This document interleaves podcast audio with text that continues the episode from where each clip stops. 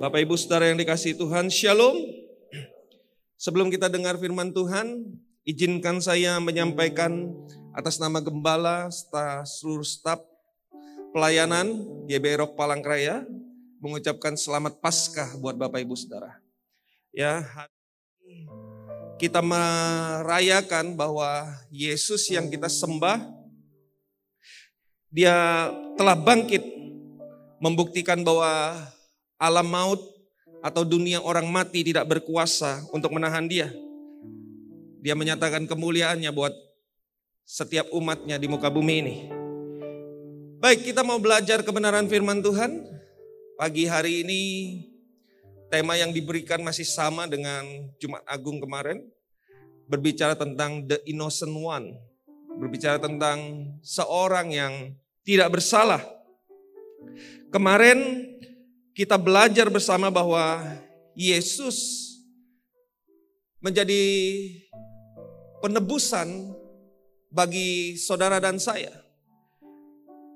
Dia yang tidak bersalah, tetapi akibat dari dosa dan pelanggaran saudara, dia dijadikan bersalah, dia dijadikan berdosa karena untuk menebus saudara dan saya, bukan karena pelanggarannya, dia seorang tak bercacat, dia seorang tak bercela. Kemarin kita baca dalam 1 Petrus pasal 1 ayat 18 dan 19. 1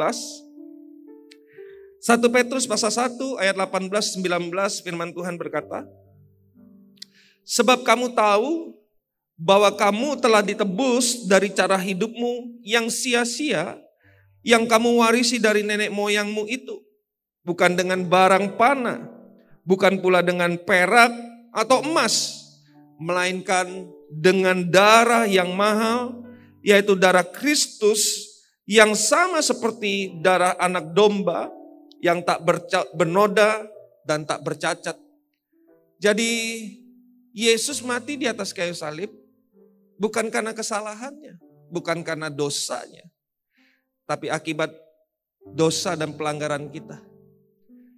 Dia dikatakan tak bernoda, tak bercacat, tapi dia dikorbankan sebagai penebusan. Nah,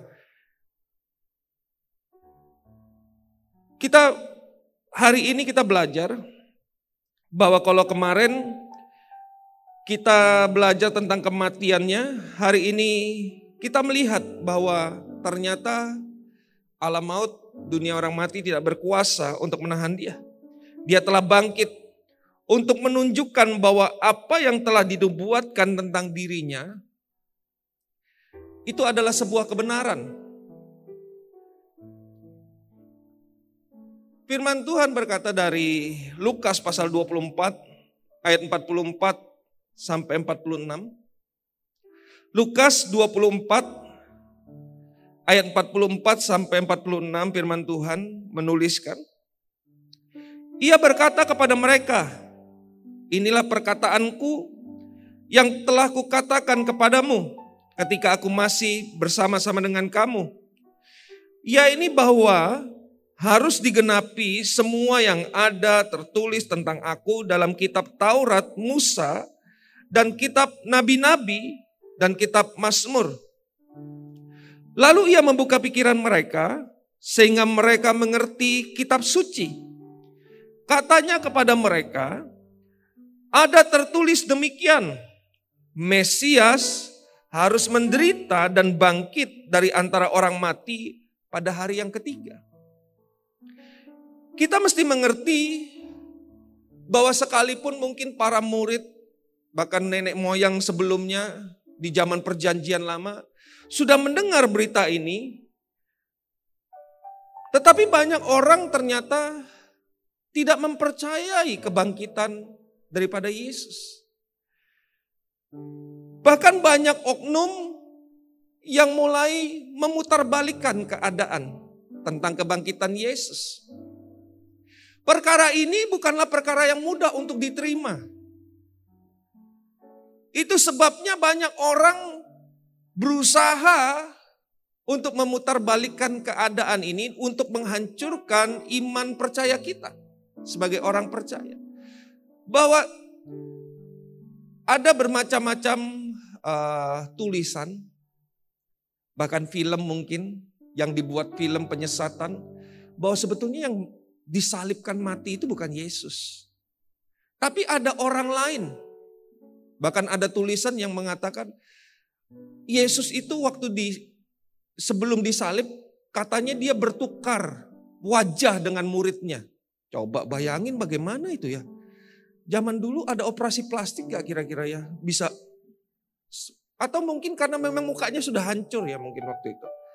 Saya nggak tahu. Tapi ada bermacam-macam hal yang sengaja dibuat untuk membuat orang tidak percaya bahwa yang mati itu bukanlah Yesus. Tapi ada orang lain yang memang menggantikan dia. Kemudian berita tentang kebangkitannya banyak orang men, men, uh, membuat berita yang lain. Bahkan kalau saudara baca di dalam Matius pasal 20, uh, 27 atau 28 di ayat 11 dusta makamah uh, judul perikopnya. Di mana pada waktu itu mereka tahu bahwa mayat Yesus tidak ada di tempat. Kemudian apa mereka memberikan sejumlah uang supaya berbicara tentang seolah-olah mayat itu telah dicuri. Bukan karena Yesus bangkit. Jadi inilah berita-berita yang sedang ada di sekeliling Bapak Ibu Saudara. Beberapa orang mungkin mulai uh, ter, tergoda dengan berita-berita tersebut. Mereka mempercayai bahwa Oh ternyata yang mati bukan Yesus ya. Ternyata yang bangkit juga bukan Yesus. Nah jadi hal ini ada di sekitar kita. Tapi pagi hari ini kebenaran tidak bisa ditutupi. Kebangkitan dan kematian Yesus itu dilihat, disaksikan oleh banyak orang. Kalau saudara pergi ke pengadilan, tidak ada hal yang lebih menguatkan daripada saksi. Kalau ada orang memberikan kesaksian, itu menjadi bukti yang sangat kuat. Istri saya kemarin baru cerita, ada orang dihukum 37 tahun. Padahal dia tidak bersalah. Setelah 37 tahun, baru dibuktikan setelah 37 tahun di penjara, baru dibuktikan bahwa ternyata memang benar dia tidak bersalah. Sehingga pemerintah memberikan ganti rugi kepada orang tersebut. Kenapa dia dinyatakan bersalah? Karena ada orang yang diminta oleh pihak berwajib pada waktu itu menunjukkan siapa pelaku pembunuhan itu. Pertama, kalau kita lihat di film-film di luar negeri itu kan biasa dipanggil berapa orang gitu ya saudara tersangka. Lima orang tersangka dilihat. Benar nggak? Yang mana? Nomor satu, nomor dua, nomor tiga, nomor empat, nomor lima. Dikatakan, oh nggak ada, lewat, panggil lagi, tersangka lain. Ini bukan.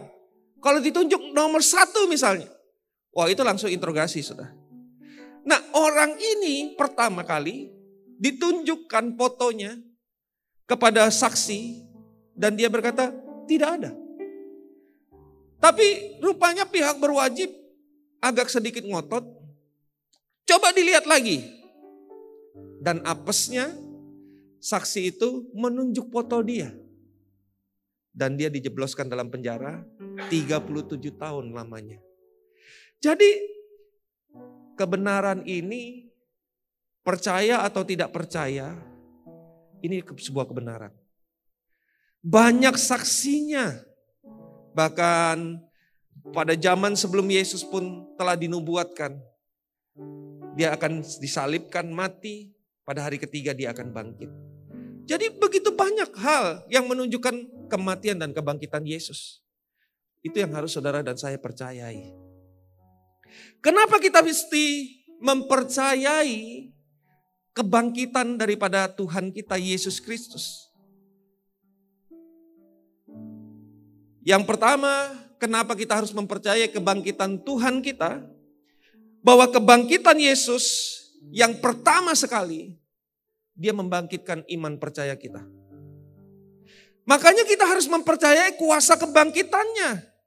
Supaya apa? Supaya iman kita terus bertumbuh di dalam dia.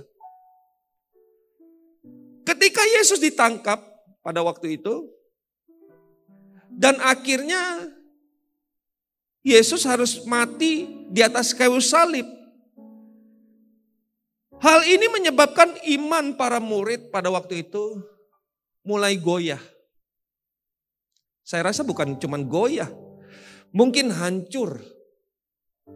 Mereka tidak lagi punya iman.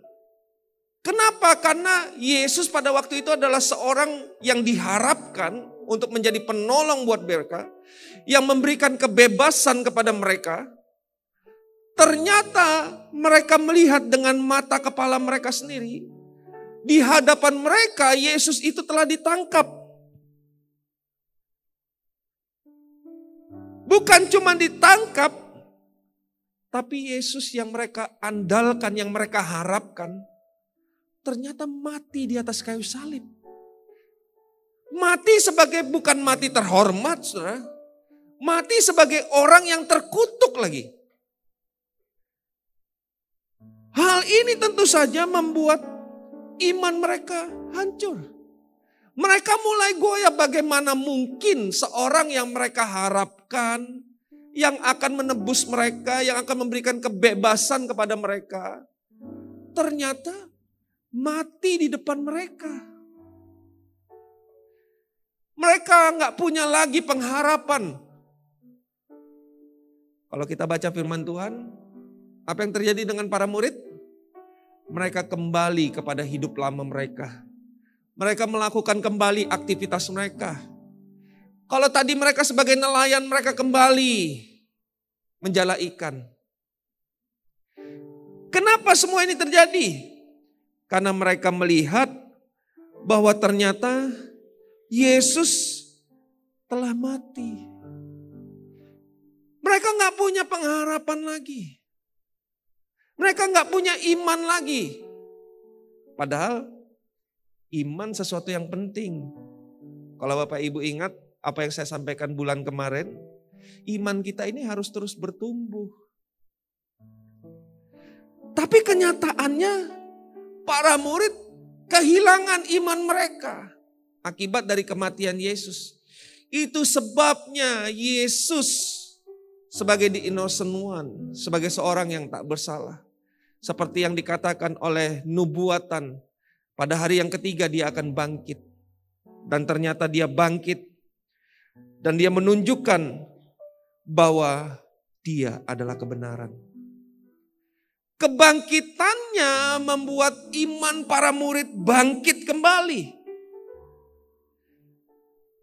Iman yang tadinya hancur, iman yang tadinya mulai goyah, kebangkitan Yesus membuat para murid bangkit kembali. Mereka seolah-olah punya lagi iman mereka. Mereka punya lagi pengharapan mereka. Saya berdoa pagi hari ini kepada saudara semua yang mungkin juga mendengar di rumah. Kalau ada iman kita yang mulai goyah pagi hari ini, saya berdoa kuasa kebangkitan Yesus membangkitkan kembali iman percaya saudara. Percayalah bahwa Dia adalah Allah yang bangkit. Alam maut tidak bisa menahan kuasanya. Mari saudara percayai hal ini dan itu akan membangkitkan iman percaya kita. Yang kedua, kenapa kita mesti mempercayai kebangkitan daripada Yesus? Bahwa kebangkitan Yesus Tadi yang mana tuh ya? Wah salah nih ya. Ya nggak apa-apa lah saudara ya. Salah edit di sana. Ya. Tadi yang pertama membangkitkan iman, yang kedua memberikan keberanian. Jadi yang kedua, kebangkitan Yesus itu memberikan kepada kita keberanian. Kita tahu bahwa ketika Yesus ditangkap, Itu bukan hal yang mudah. Apalagi ketika Yesus mati di depan mata mereka. Kita tahu ada salah satu murid Yesus yang terkenal berani katanya. Temperamen sekaligus berani. Siapa dia? Petrus. Petrus murid Tuhan yang kalau bilang berani, dia lebih berani daripada murid-murid yang lain. Saudara ingat ketika para murid pada waktu itu, mereka dalam sebuah perjalanan melewat perahu, Kemudian tiba-tiba apa? Firman Tuhan berkata ada angin sakal yang bertiup. Sehingga terjadi gelombang yang begitu luar biasa, badai. Semua murid ketakutan. Mereka minta tolong kepada Tuhan. Dan tiba-tiba Yesus datang. Akibat ketakutan mereka semua, mereka berkata itu hantu, bukan Tuhan. Tuhan dan hantu itu kan terbalik aja saudara ya. Hantu dan Tuhan. Tuhan hantu gitu. Kebalik aja tulisannya. Nah, waktu mereka dalam ketakutan itu, mereka berkata Yesus itu sebagai hantu, bukan Tuhan.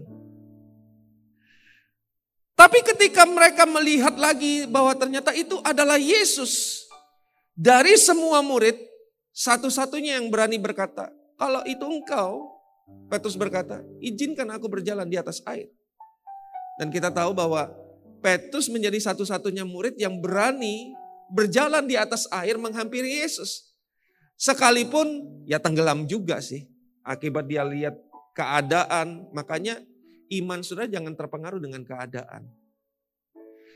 Percayalah bahwa dunia ini seperti yang saya sampaikan akan menghancurkan iman saudara.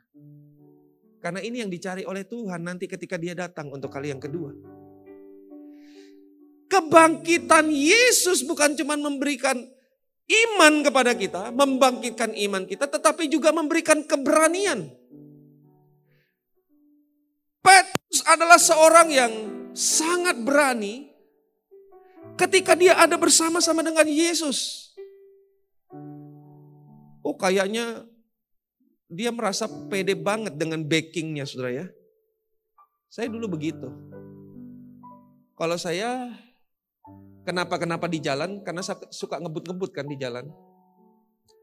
Kalau saya ngebut, tiba-tiba ada orang menyasahi saya, ya, bahasa Ibrani, besasahan ngami, ngeng, gitu. Saya lihat dulu, kira-kira kalau bertamparan saya menang nggak ya? Kalau saya bakalan babak belur, ya saya nggak mau lah saudara ya. Muka ganteng-ganteng begini tiba-tiba gigi copot gitu saudara. Babak belur bonyok. Saya saya hitung. Kalau saya lihat bahwa yang mengejar lebih dari dua tiga orang, saya lari, eh, ngebut sekencang-kencangnya, saya bawa ke markas. Ya, dulu saya tinggalnya di Jalan Halmahera, saudara. Waktu saya sampai di sana, saya tinggal turun aja. Saya tunggu. Kenapa? Karena di situ banyak orang kenal saya. Nggak mungkin orang berani pukul saya di situ. Banyak dok remah di situ. Ya. Banyak orang-orang yang siap untuk membela saya. Nah, di saat seperti itu, oh saya pede, berani. Sama seperti Petrus. Mungkin ketika dia ada Yesus, dia tahu bahwa Yesus bisa melakukan perkara yang ajaib dia pede, dia berani. Tapi apa yang terjadi ketika Yesus tidak ada? Petrus ini dikatakan di Yohanes pasal 10, bahkan dia menjadi satu-satunya murid yang berani melawan ketika Yesus mau ditangkap. Dikatakan Yohanes pasal 18 ayat 10, lalu Simon Petrus yang membawa pedang menghunus pedang itu menetakkannya kepada hamba imam besar dan memutuskan telinga kanannya. Nama hamba itu Malkus. Jadi saudara, preman ternyata Petrus ini. Bawa pisau. ya. Dia nggak segan-segan untuk mengunuskan pedangnya. Dan itu mengenai salah satu hamba dari imam besar. Memutuskan telinganya. Dia punya keberanian di atas rata-rata. Tapi apa yang terjadi ketika Yesus ditangkap? Firman Tuhan berkata, sebelum ayam berkokok tiga kali, kamu akan menyangkal aku. Kita tahu firman Tuhan, waktu Yesus ditangkap, Petrus yang tadinya seorang yang dikatakan pemberani sekalipun, hilang keberaniannya. Dia menjadi seorang yang penakut. Bahkan dia berkata tidak mengenal Yesus. Bukan cuma satu kali. Tiga kali dia harus menyangkal Yesus. Kenapa? Karena dia telah melihat di depan matanya. Seorang yang diharapkan, seorang yang mungkin diandalkan. Ternyata harus ditangkap, dianiaya. Bukan cuma itu, dia harus mati di atas kayu salib. Beberapa murid menjadi ketakutan. Bahkan semua orang yang percaya pada waktu itu ketakutan. Keadaannya tidak baik. Tapi kita tahu ketika Yesus bangkit dia kembali kepada para murid. Petrus yang tadinya sebagai seorang penakut keberaniannya mulai muncul kembali. Dia nggak lagi takut bahkan ketika menghadapi para imam besar. Sekali dia bersaksi, 3000 orang memberi diri menerima Yesus sebagai Tuhan dan Juru Selamat. Tradisi mengatakan, bahkan Petrus nggak lagi takut mati. Dia disalibkan terbalik di Roma. Dia nggak takut. Bahkan dia minta, memang dia minta disalibkan terbalik. Karena dia berkata nggak layak dia disalibkan seperti Tuhan Yesus. Dia salib terbalik. Dia nggak lagi takut dengan kematiannya. Karena kuasa kebangkitan daripada Tuhan. Pagi hari ini, biarlah melalui momen kebangkitan ini, Yesus yang sama, dia akan memberikan kepada kita keberanian kepada saudara yang mengalami ketakutan. Percayalah sekali lagi, dunia ini akan menebarkan ancaman, ketakutan, supaya iman saudara rontok.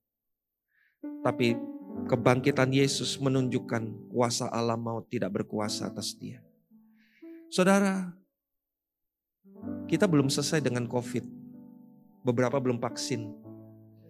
Covid sudah menghancurkan banyak iman orang, keberanian orang yang tadinya berani, sekarang seperti ayam keok. Gak cukup cuman itu. Beberapa waktu lalu kita dengarkan kejadian, makanya sekarang penjagaan yang begitu luar biasa. Apa tujuannya? Untuk membuat saudara dan saya ketakutan. Kita nggak bisa ke depan kita nggak tahu apa yang akan terjadi. Oleh sebab itu tetaplah percaya kuasa kebangkitannya. Supaya iman saudara terus muncul. Supaya saudara terus berani. Saya berdoa biarlah saudara mengalami keberanian. Berani untuk hidup benar. Berani untuk mengampuni. Berani untuk tidak lagi berbuat dosa dalam hidup saudara. Lewat kuasa kebangkitannya. Berani untuk memberitakan Injil. Berani untuk hidup benar di hadapan Tuhan dan menyenangkan hatinya. Semua itu diperlukan keberanian. Berani untuk melepaskan pengampunan kepada orang yang menyakiti saudara. Oh itu perlu keberanian Bapak Ibu. Nggak mudah. Tapi biarlah lewat kuasa kebangkitan daripada Tuhan kita pagi hari ini. Saya berdoa Tuhan memberikan keberanian kepada kita semua. Untuk hidup benar di tengah keadaan yang sangat menawarkan untuk kita tidak hidup benar. Tapi kita tetap berani percaya karena Yesus telah bangkit. Biarlah kuasa kebangkitan Yesus membangkitkan iman dan memberikan keberanian kepada kita semua. Supaya lewat saudara dan saya, nama Tuhan dipermuliakan.